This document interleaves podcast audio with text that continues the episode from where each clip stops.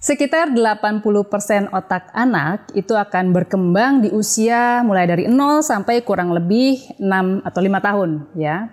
Nah, pada masa-masa inilah yang dikenal dengan masa emas tumbuh kembang otak anak atau dikenal juga dengan golden age ya.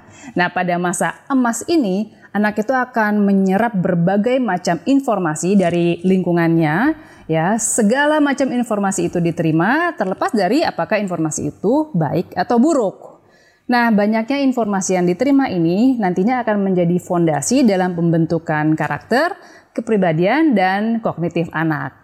Nah, masa-masa ini juga ya yang akan menentukan nantinya nih ketika mereka menjadi dewasa, apakah mereka bisa menjadi seorang individu yang tangguh, sanggup untuk menghadapi berbagai macam tantangan, apakah memiliki semangat untuk belajar dan juga bagaimana perkembangan karirnya di masa depan. Berbicara tentang perkembangan otak anak berarti kita bicara tentang tiga hal ya, yaitu perkembangan motorik kasar, perkembangan motorik halus, dan juga perkembangan kognitif mereka. Nah, perkembangan-perkembangan ini pada dasarnya itu uh, dilihat dari kematangan fisik dan juga kematangan syaraf si anak.